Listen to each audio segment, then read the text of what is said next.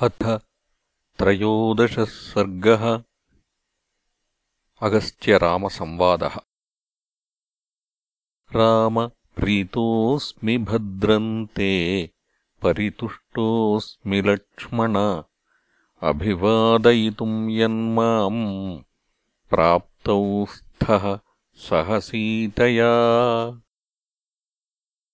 अध्वश्रमेण वाङ्खेदो बाधते प्रचुरश्रमः व्यक्तमुत्कण्ठते चापि मैथिलीजनकात्मजा। एषा हि सुकुमारी च दुःखैश्च न विमानिता प्राज्यदोषम् वनम् प्राप्ता भर्तृस्नेहप्रचोदिता यथैषा रमते राम इह सीता तथा कुरु। दुष्करम् कृतवत्येषा। वने त्वामनुगच्छति। एषा हि प्रकृतिः स्त्रीणाम् आसृष्टे रघुनन्दन। समस्थमनुरञ्जन्ति विषमस्थम् त्यजन्ति च शतह्रदानाम् लोलत्वम् शस्त्राणाम् तीक्ष्णताम् तथा गरुडानिलयोः शैघ्र्यम् अनुगच्छन्ति योषितः। इयम् तु भवतो भार्या दोषैरेतैर्विवर्जिता श्लाघ्या च व्यपदेश्या च यथा देवी ह्यरुन्धती। अलङ्कृतोऽयम् देशश्च यत्र सौमित्रिणा सह। वैदेह्या चानया राम वत्स्यसि त्वमरिन्दम एवमुक्तः स मुनिना राघवः संयताञ्जलिः। उवाच प्रश्रितम् वाक्यम् ऋषिम् दीप्तमिवानलम् धन्योऽस्म्यनुगृहीतोऽस्मि यस्य मे मुनिपुङ्गवः। गुणैः स भ्रातृभार्यस्य वरदः परितुष्यति। किन्तु व्यादिश मे देशम् सोदकम् बहुकाननम् यत्राश्रमपदम् कृत्वा वसेयम् निरतः सुखम्। ततोऽब्रवीन्मुनिश्रेष्ठः श्रुत्वा रामस्य तद्वचः ध्यात्वा मुहूर्तम् धर्मात्मा धीरो धीरतरम् वचः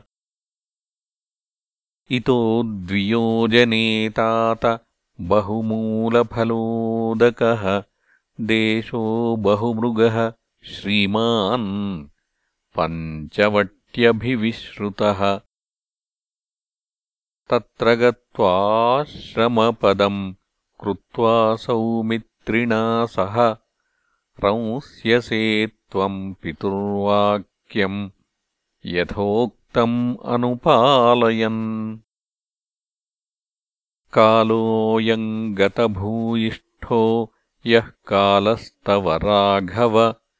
समयो यो नरेन्द्रेण कृतो दशरथेन ते।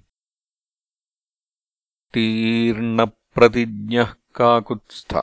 सुखम् राज्ये निवत्स्यसि धन्यस्ते जनको राम। स राजा रघुनन्दन। यस्त्वया ज्येष्ठपुत्रेण ययातिरिवतारितः। विदितो ह्येष वृत्तान्तो मम सर्वस्तवानघ। तपसश्च प्रभावेन स्नेहाद्दशरथस्य च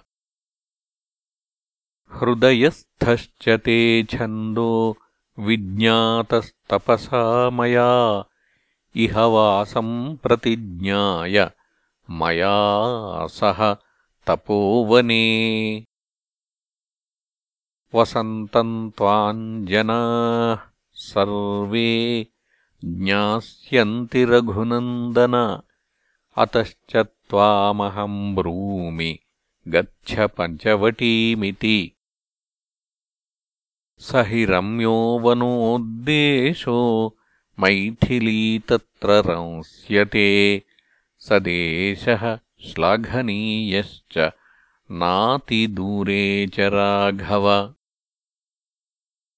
गोदावर्याः समीपे च मैथिली तत्र रंस्यते प्राज्यमूलफलश्चैव नानाद्विजगणायुतः। विविक्तश्च महाबाहो पुण्यो रम्यस्तथैव च।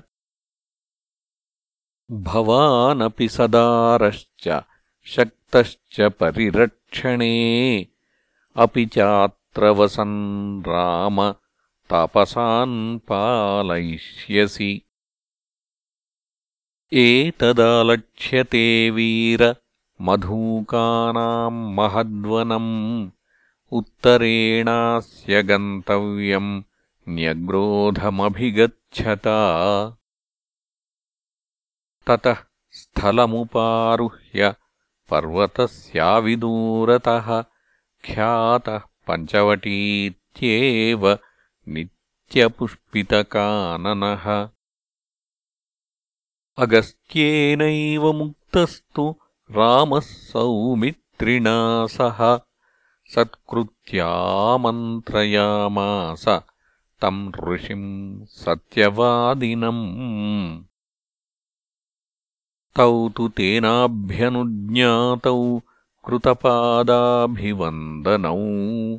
तदाश्रमात् पञ्चवटीम् जग्मतुः सह सीतया गृहीतचापौ तु नराधिपात्मजौ विषक्ततूणौ समरेष्वकातरौ यथोपदिष्टेन पथा महर्षिणा प्रजग्मतुः पञ्चवटीम् समाहितौ। इत्यार्षे श्रीमद्रामायणे वाल्मीकीये आदिकाव्ये अरण्यकाण्डे त्रयोदशः सर्गः